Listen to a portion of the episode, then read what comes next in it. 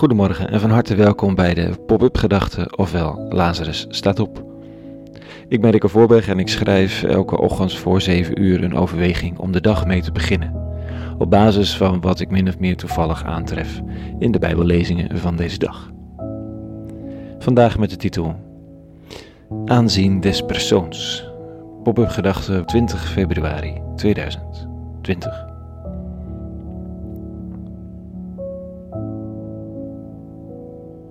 Wie wel eens een actie heeft voorbereid of geprobeerd heeft om op een of andere manier iets aan de grote klok te hangen, die weet hoe groot de impact van een influencer kan zijn. Mensen met een groot bereik die dan iets leuks over je twitteren of facebooken. Of wie een voorstelling speelt en ontdekt dat er opeens een belangrijk iemand in het publiek zit. Die gaat toch even opnieuw naar zichzelf en de voorstelling kijken. Oh, en een vriend kreeg vlak voor hij moest spreken ergens een berichtje dat de koninklijke familie in de zaal zou zitten. Ja, dan ben je misschien helemaal niet zo koningsgezind, maar je kijkt toch een keer extra in de spiegel. Is toch bijzonder, niet? Vandaag trekt Jacobus, de, de recht door zee bijbelschrijver die voortdurend hamert op de daad bij het woord voegen, eh, van leer tegen mensen die anderen naar de ogen kijken. Hij schrijft, veronderstel, er treedt in uw samenkomst een man binnen, keurig gekleed en met gouden ringen om zijn vingers. En tegelijkertijd komt er ook een arme aan in schamelijke kleren. Als gij nu opziet tegen de rijk geklede man en hem een ereplaats aanbiedt, terwijl u tegen de arme zegt, blijf daar maar staan, of, of, of ga hier op de grond zitten bij mijn voetbank, maakt ge u dan niet schuldig aan een kwaadaardig soort discriminatie? Zouden we gelukkig nooit zeggen, hè? Ga hier op de grond zitten bij mijn voetbank. Jongen, dat zou naar zijn. Gelukkig zijn we zo niet. Oh, nou ja, moet ik heel eerlijk zijn dat ik de wat warrige man of vrouw die wegschuifelt naar de dienst zonder op of om te kijken, makkelijker zou laten gaan dan als het halve vorstenhuis direct naar de dienst zonder op of om te kijken, boem de zaal verlaat. Bij de een vind ik het logisch, bij de ander zou ik er toch een beetje kapot van zijn. denk je. Bij de een denk je, ach arm mens, bij de ander denk je vertwijfeld wat je toch allemaal verkeerd hebt gedaan. En Jacobus, die graag grote woorden gebruikt, zegt dan: Maakt ge u dan niet schuldig aan een kwaadaardig soort discriminatie? Deze kwaadaardige soort discriminatie was common sense in al die klassieke kerken waar deze tekst toch met regelmaat moet zijn gelezen. Of, of nou, stiekem overgeslagen. Er waren ereplaatsen voor degenen die veel hadden bijgedragen of een hoge status hadden. Ja, toch?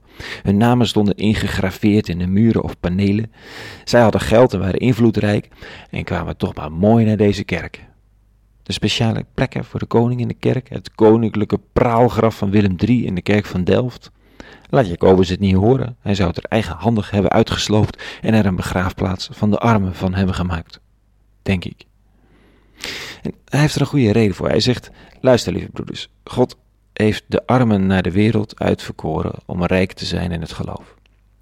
En erfgenaam van het koninkrijk dat hij beloofd heeft en wie hem lief hebben. Maar u hebt de armen veracht zijn het niet de rijken die u onderdrukken en u voor de rechtbank slepen? Hm? Zijn zij het niet die de schone naam lasteren welke over u is aangeroepen? En dan, als u evenwel de koninklijke wet vervult, volgens het woord van de Bijbel, ik bedoel, u zult uw naaste lief hebben als uzelf, dan is alles in orde. Maar als u partijdig handelt, doet u zonde en veroordeelt de wet u als overtreders. Uh, of wel wat hij zegt is, van die rijken heb je dus het meest te vrezen van de invloedrijken, de koningen, die je wel of niet een plek gunnen in het leven. Ja, dan denk ik dan, maar daarom is het dus zo logisch om die dan met alle egaars te behandelen. Nee, zegt Jacobus, je kunt het ook anders denken. Als zij het leven moeilijk kunnen maken, als zij een kans zijn en een risico, timmer dan geen dure stoel voor ze, graaf geen groot praalgraf, maar geef degene die je niet te kakken zullen zetten, simpelweg omdat ze de invloed er niet voor hebben, een speciale plek. Vind het wel mooi bedacht van Jacobus.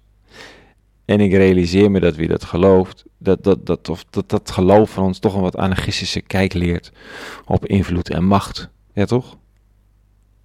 Er is er maar één die uitsteekt boven de rest, en dat is de eeuwige zelf. Mocht ik zelf of iemand gaan geloven dat er nog een ander, of, of God of God verhoede, ik zelf ook erboven uitsteek, nou, dan wordt het tijd voor een kleine bekering. En wie geen last heeft van mogelijke verheven zelfbeschouwing, is de ander ten voorbeeld. Dus investeer in diegene. Niet in degene die steeds weer moet worstelen om met beide pootjes op de grond te blijven staan, omdat hij zoveel online volgers of luxueuze huizen heeft. Dank Jacobus voor de verheldering vandaag. Top dat je ook in al, al in het jaar nul zo scherp bent op discriminatie. Het lijkt het codewoord van deze tijd, maar het is al zo oud als de wereld. Vandaag maar weer eens mezelf observeren in mijn aanzien des persoons. Tot zover de pop-up gedachten van vanochtend. Meer te vinden op lazarusstaatop.nl en voor nu, vrede vandaag en alle goeds.